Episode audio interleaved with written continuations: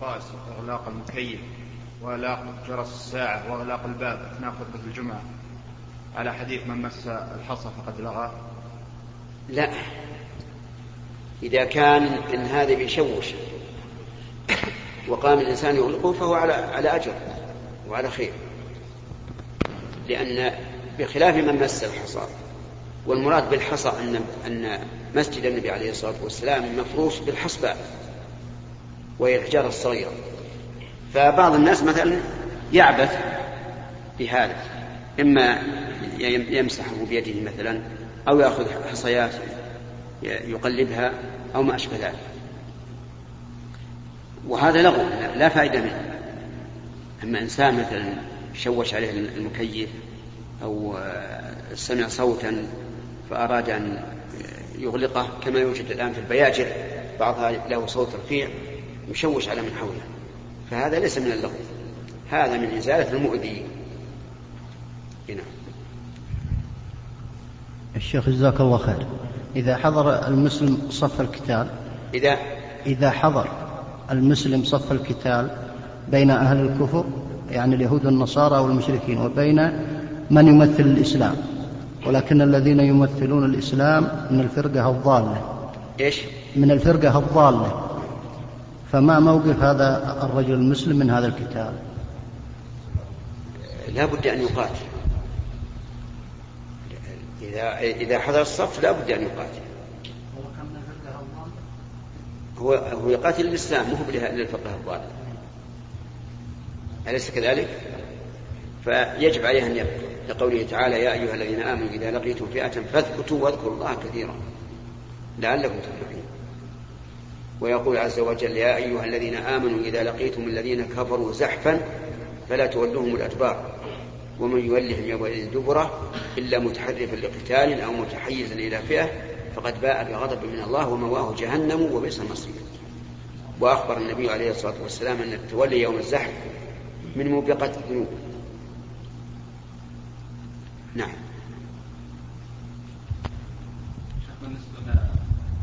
في بعض المدارس بعض المدرسين أو المدرسات يمرون بضائع لأنفسهم ويبيعونه داخل على المدرسة للطلاب والطالبات. فما أدري وش حكم المال اللي يحصلون عليه. والله الظاهر لي إنه ممنوع هذا. اي هو ممنوع. اذا صار ممنوع. ما ما يحلهم هذا. ما يجوز انهم يجيبون أشياء ممنوعة. المدرسة للحكومة. فإذا منعت من إدخال شيء إليها يجب الامتناع. ثم إن هذا الذي فيه هل هو سيبيع برخص؟ لا بغلا طيب هذا لا هو بايع بثمن المثل ولا برخص ولا استأذن. ما في إشكال حرام عليه ذلك. فعليه أن يتوب إلى الله ولا يعود. وما أخذه من الكسب قبل أن يعلم بالتحريم فهو معفو عنه.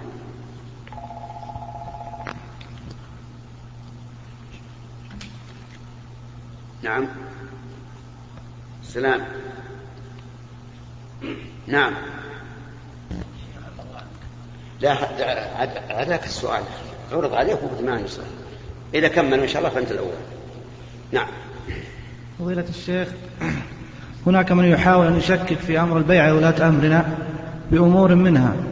أن البيع لا تكون إلا للإمام الأعظم وبقول أنا لم أبايع وبقول أن البيع فقط للملك ليس لإخوته.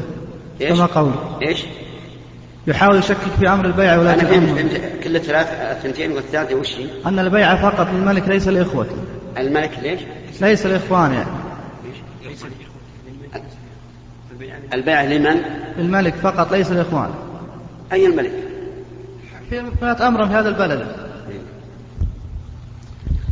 آه، لا شك أن هذا من جنس ما ما أشرنا إليه في أول آه، السؤال الإجابة على في أول سؤال سئلنا إياه وأن هذا خاطئ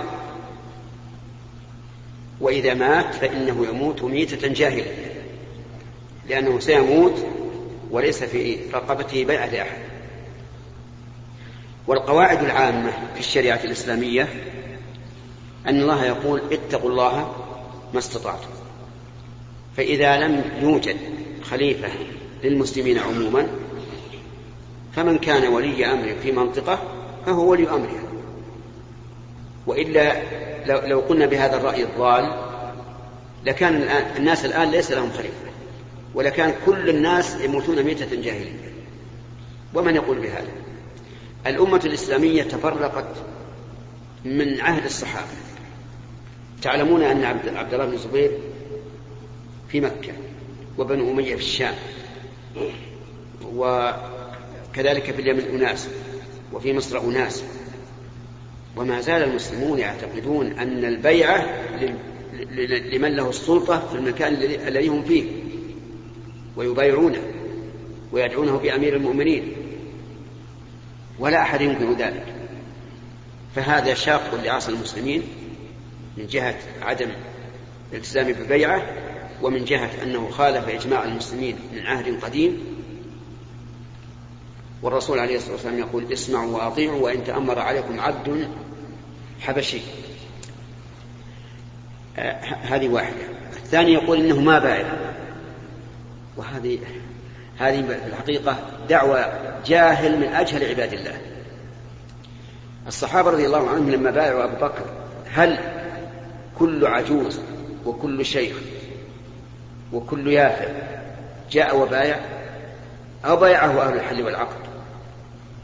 عجيب يا جماعة.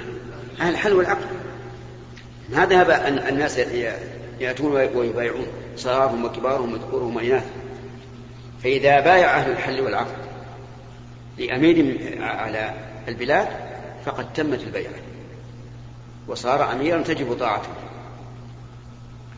والثالث أنهم ما بايعوا للملك. ما الذي أدراهم أنهم ما بايعوا للملك؟ الناس بايعوا للملك. أنا الآن حضرت البيعة للخالد رحمة الله عليه وللملك فهد. وبايع صحيح ما جاءوا لكل صغير وكبير يبايعونه. إنما بايع أهل الحل والعقد فقط. ثم إنه إذا بويع الإنسان بالإمرة على بلد من البلاد ثم جعل له ولي عهد فهو ولي عهد من بعده. إذا انتهت ولاية الأول صار هذا الثاني بدون مبايعة. صار ولي أمر. ولا يصح الناس إلا هذا. لو قلنا إن, إن ولي العهد لا ليس له ولاية عهد حتى يبايع من جديد صار فيه فوضى. لكن مثل هذه الآراء يلقيها الشيطان في قلوب بعض الناس من أجل أن يفرق جماعة المسلمين. ويحصل التحريش الذي بينه الرسول عليه الصلاة والسلام قال إن الشيطان قد أيس أن يعبد في جزيرة العرب ولكن بالتحريش بينهم. فبلغ هذا الأخ نصيحتي إياه أن يتقي الله عز وجل وأن يعتقد أنه الآن في ظل أمير ذي ولاية عليه. لا يموت بعد ذلك وهو يموت ميتة جاهلية. نعم. هل للخطيب أن يتشهد بصيغة الجمع؟ يقول نشهد أن لا إله إلا الله ونشهد أن محمدا رسول الله. وإذا صلى على النبي صلى الله عليه وسلم هل يكفي المستمع أن يؤمن؟ عفى الله عنك. نعم. أما الأول الأحسن أن يك... أن يتشهد بالوارد. والوارد أشهد أن لا إله إلا الله وأشهد أن محمدا عبده ورسوله. في خطبة الحاجة الحمد لله نحمده ونستعينه ونستغفره ونعوذ بالله من شرور أنفسنا ومن سيئات أعمالنا. من يهد الله فلا مضل له ومن يضلل فلا هادي له وأشهد أن لا إله إلا الله. فجعل الضمائر الأولى بصيغة الجمع والثانية بصيغة الإفراد. قال العلماء ووجهه أن الشهادة بالتوحيد الأنسب أن يكون الفعل أيضا موحدا حتى تكون الصيغة والمعنى متفقين. لكن لو قال نشهد فلا فلا أرى في هذا بأسا بل يرشد إرشاد ويوجه فيقال الأفضل أن تقول أشهد. الفقرة الثانية من السؤال هل يكفي المستمع أن يؤمن على صلى النبي صلى الله عليه وسلم؟ نعم. يعني لو سمعنا شخصا يقول قال رسول الله صلى الله عليه وسلم فقلنا آمين كفى. لأن هذا الشخص الذي قال صلى الله عليه وسلم إنما يدعو بالصلاة للرسول للرسول عليه الصلاة والسلام. كما لو قال اللهم ارضى عن الخلفاء الراشدين مثلا قلنا آمين يكفي. فكذلك الصلاة على النبي صلى الله عليه وسلم. نعم.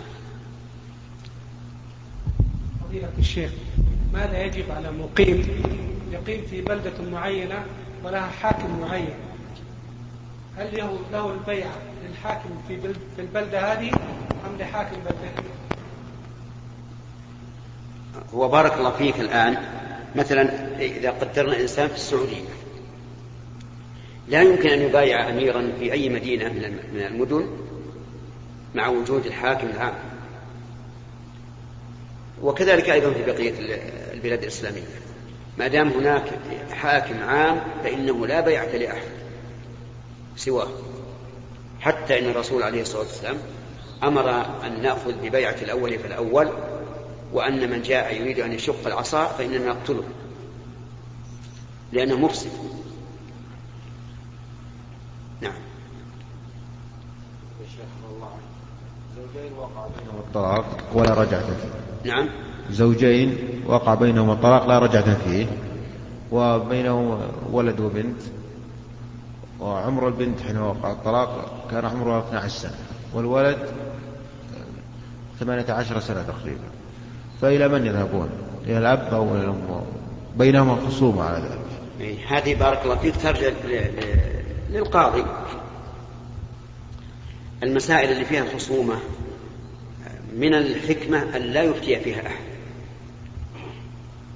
لأنه قد يفتي بحسب ما سمعه من الخصم ويكون عند خصمه ما يدفع به الحجة ولأنه إذا حكم ربما يأخذ الخصم هذه نعم ولأنه إذا أفتى فربما يأخذ الخصم هذه الفتية من أجل أن يحتج بها على القاضي إذا جلسوا بين يديه مع أن المفتي لم يعلم عن دفع هذه الحجة. فأنا أشير على إخواني طلبة العلم إذا استفتاهم أحد في مسائل فيها خصومة أن يقولوا هذه أمرها إلى القضاة. لئلا يوقع الناس في في شر وبلاء. نعم. عن وقت زكاة الفطر في رمضان. رجل دفعها في اليوم السادس والعشرين. لسفره. نعم. ماذا يجب عليه؟ سبق قبل العيد يمكن بيومين أو ثلاثة أيام. بأربعة أيام. بأربعة أيام. سواء سواء تام الشهر أو ناقص. أي نعم. إن كانوا ناقص ثلاثة أيام وإن كانوا تام فهو أربعة أيام. آه، يقول أهل العلم إن الإنسان إذا ده إذا فعل العبادة المؤقتة قبل وقتها فإنها لا تصح. لكن ليس معنى قولهم لا تصح أنه ليس فيها ثواب. إذا كان الإنسان فعل ذلك جاهلا فإنه يثاب عليها لكن يلزمه أن يفعلها في الوقت. فهؤلاء القوم الذين دفعوا فطرتهم في السادس والعشرين يقول لهم يعيدونها الآن يدفعونها الآن قضاء. نظير ذلك لو أن أحدا ظن أن وقت الظهر قد دخل فصلى الظهر. قبل قبل الوقت. ثم تبين الأمر فإنه يصلي الظهر في وقتها وتكون صلاته الأولى نافلة يثاب عليها. نعم.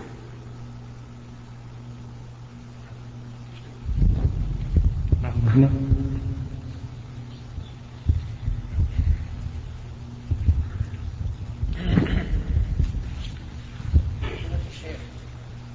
بالنسبة للمرأة الصلاة الجهرية هل تجهر مثل الرجال إذا ما كان حولها رجل جانب ولا في صوت أحد أو أنها تسر في الجهرية والسرية آه الله. نعم. المرأة لا تجهر في الصلاة لا في الصلاة الجهرية ولا في السرية حتى وإن لم يكن عندها أحد لأنها مأمورة بخفض الصوت. وربما يقال إذا لم يكن عندها أحد وكان جهرا بالصلاة بالقراءة أنشط لها كما لو كان ذلك في التهجد في الليل ربما قال إنه لا بأس لأن ما في محظور. ما حكم فكرة ترقيع الإسلام؟ ومعناها يعتقد الشخص عقيدة سلفية لأنه درس وتخرج على منهج سلفي من كلية الدعوة أو كلية الشريعة أو كلية الحديث مثلا لأنه درس دراسة سلفية. ولكنه عندما يأتي إلى الدعوة يقول لا هذا المنهج لا ينفعنا بل ننهج نهجا آخر إخوانيا أو تبليغيا أو غير ذلك فإنه لا يضرنا لأننا سلفيون عقيدة أما منهجا ودعوة لا يصلح. فهل كان السلف الصالح يفرقون بين العقيدة ومنهج الدعوة؟ بارك الله فيكم المنهج بارك الله فيك مبني على العقيدة. المنهج مبني على العقيدة. فمن كانت عقيدته سليمة فسيكون منهجه سليما بلا شك. لأن النبي صلى الله عليه وسلم لما ذكر افتراق الأمة على 73 فرقة كلها في النار إلا واحدة قالوا من هي يا رسول الله؟ قال على من كان مثل ما أنا عليه وأصحابي. فقول على مثل ما أنا عليه وأصحابي يعني في العقيدة والمنهج والعمل وكل شيء. ولا يمكن أن يختلف هذا وهذا. فمثل الإخوانيون والتبليغيون والإصلاحيون وغيرهم إذا كان منهجهم لا يخالف الشريعة فلا بأس به. وإذا كان يخالف الشريعة فإنه لا بد أن يصدر عن عقيدة لأن كل عمل له نية. إذا كان كل عمل بنية وجاء إنسان اتخذ منهجا مخالفا لمنهج الرسول عليه الصلاة والسلام والخلفاء الراشدين فمعناه أن عقيدته غير سليمة. وإلا متى سلمت العقيدة؟ سلم المنهج. ثم أنه بهذه المناسبة أود أن أقول إن من البلاء الذي حل بالأمة ولا سيما في الوقت الحاضر هو التفرق والتشتت. هذا ينهج منهج فلان وهذا ينهج منهج فلان. وليتهم ليتهم يدعوا ليتهم يدعوا بعضهم بعضا. لا تجد كل واحد يضلل الثاني وربما يكفره في أمور ليست ضلالا وليست كفرا. وهذا بلوى ضربت بها الصحوة الإسلامية التي كنا نؤمل عليها خيرا قبل سنوات قليلة. الآن أصبح كثير من الشباب متفرقا. يعني ربما يبغض هذا الأخ الشاب الذي يريد الحق مثل ما يريده أشد مما يبغض الإنسان الفاسد. نسأل الله العافية. كل هذا لا شك أنه من وحي الشيطان وأوامر الشيطان. فالواجب علينا أن يأتلف بعضنا إلى بعض وأن نجلس ونبحث من كان على على حق. نصرناه ومن كان على باطل بيناه له. لكن إذا قال أنا ما أعرف إلا هذا وهذا اجتهادي وله مساق في اللغة العربية وفي الشرع فإننا لا نضلله. والحمد لله الأمر واسع. شيخ أحسن الله إليك. ذكرنا في تقديم زكاة الفطر أنه يثاب يثاب عليها إذا قدمها ولكنه لا يحصل له أجر ال إيش؟ أنه بالنسبة لتقديم زكاة الفطر. نعم. كل عبادة مؤقتة كل عبادة مؤقتة نعم.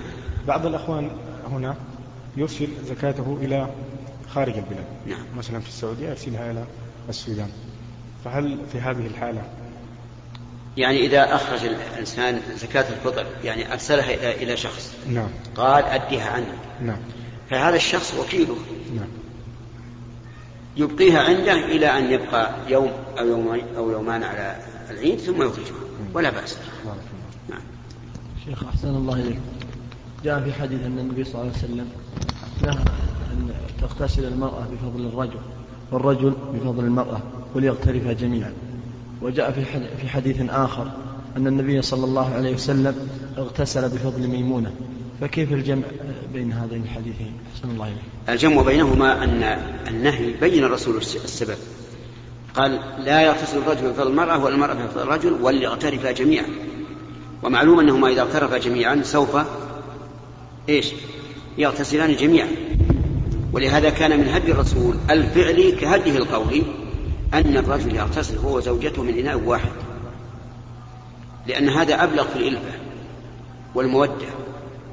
وليس هناك عورة يجب اتقاؤها بين الرجل وامرأة وامرأته. لهذا الرسول قال لا يفعل كذا وليفعل كذا. لو أطلق صار بين الحديثين شيء من التعارض. لكن لما قال وليغترف جميعا كأنه نهانا عن التفرق أن يغتسل كل واحد منا على حدة وأمرنا أن نجتمع على الماء. تقول عائشة أنها كانت تغتسل مع النبي صلى الله عليه وسلم في إناء واحد تختلف أيدينا فيه. يعني هو شايل الماء وهي نازلة تغترف الماء. هذا هو المشروع. وليس معنى ذلك أنه لو أن المرأة مثلا تقدمت في غسلها بدون يعني اتفاق بينهما على التقدم والتأخر فإن الرجل ينهى أن يغتسل بعدها. لا ما هو ما في نهي. الرسول عليه الصلاة والسلام اغتسل بفضل ميمونة. حتى إن إنه اغتسل في بفضل إحدى زوجاته قالت إنها جنب قال إن الماء لا يجب فهذه الحكمة. ربما بعض الناس يأنف أن يكون هو وزوجته في في الحمام يغتسلان جميعا وما في أنفة إذا كان الرسول عليه الصلاة والسلام أشد وهو أشد الناس حياء يفعل ذلك مع أم المؤمنين عائشة رضي الله عنها فما, فما المانع؟ أفهمت؟ صار النهي المراد به الإرشاد إلى حال أخرى وهي إيش؟ أن يغترفا جميعا نوم الجنوب بدون وضوء يجوز بعض العلماء نوم الجنوب بدون وضوء يرى بعض العلماء أنه حرام. لأن الرسول قال إذا توضأ فليرقد والمشهور من المذهب عندنا أنه مكروه وهذا هو الأقرب. لكن أحيانا يكون مثلا في أيام الشتاء البرد شديد ويشق عليه أنه يغتسل ثم يرجع ينام أو يتوضأ ثم يرجع ينام فالذي أرى أنه إن شاء الله ما فيه بأس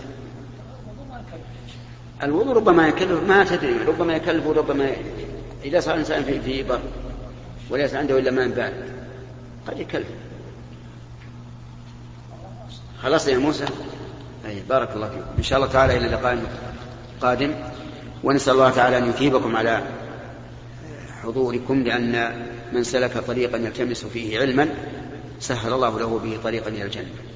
جعلنا الله وإياكم من أهلها بمنه وكرمه أيها الإخوة اخترنا أن نكمل بقية هذا الشريط بالمادة التالية.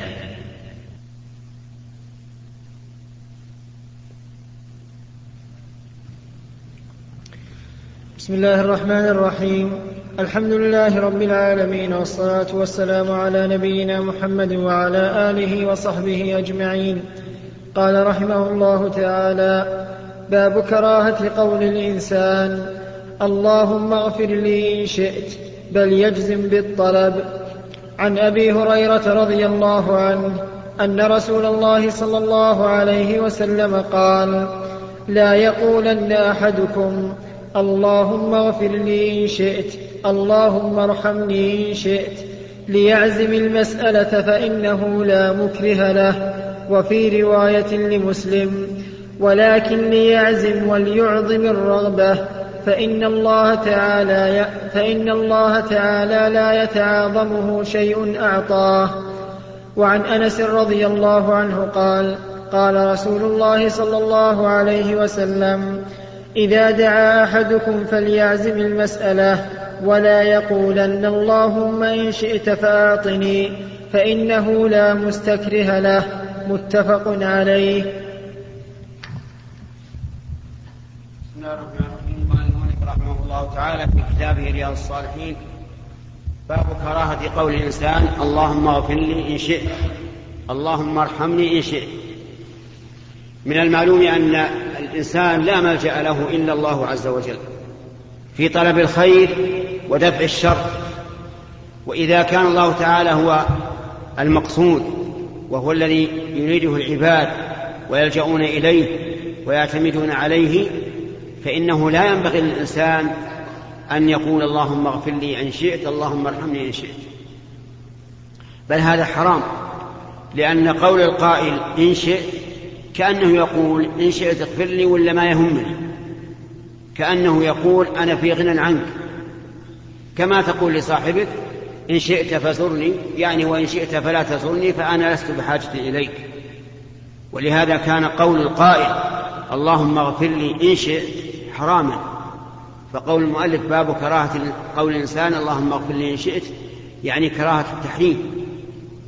وكذلك لا يقول اللهم ارحمني إن شئت بل يعزم لأنه يسأل جوادا كريما غنيا حميدا عز وجل ولأنه مفتقر إلى الله فليكن عازما في الدعاء. يقول اللهم اغفر لي اللهم ارحمني بدون إن شيء وكذلك لا يقول اللهم اغفر لي إن شاء الله أو يقول للإنسان غفر الله لك إن شاء الله هداك الله إن شاء الله. كل هذا لا يقال وإنما يجزم الإنسان ويعزم. وبين النبي عليه الصلاة والسلام ذلك بأن بأن فيه محذورين. الأول قال وليعزم المسألة فإن الله لا مكره له. يعني الله عز وجل إن غفر لك فبمشيئته. أو رحمك فبمشيئته لا أحد يكرهه على ذلك. فهو يفعل ما يشاء ويختار عز وجل لا مكره له حتى تقول إن شئت. كذلك أيضا يقول الإنسان إن شئت كأنه يتعاظم الشيء ويقول إن شئت فأت به وإن شئت فلا تأت.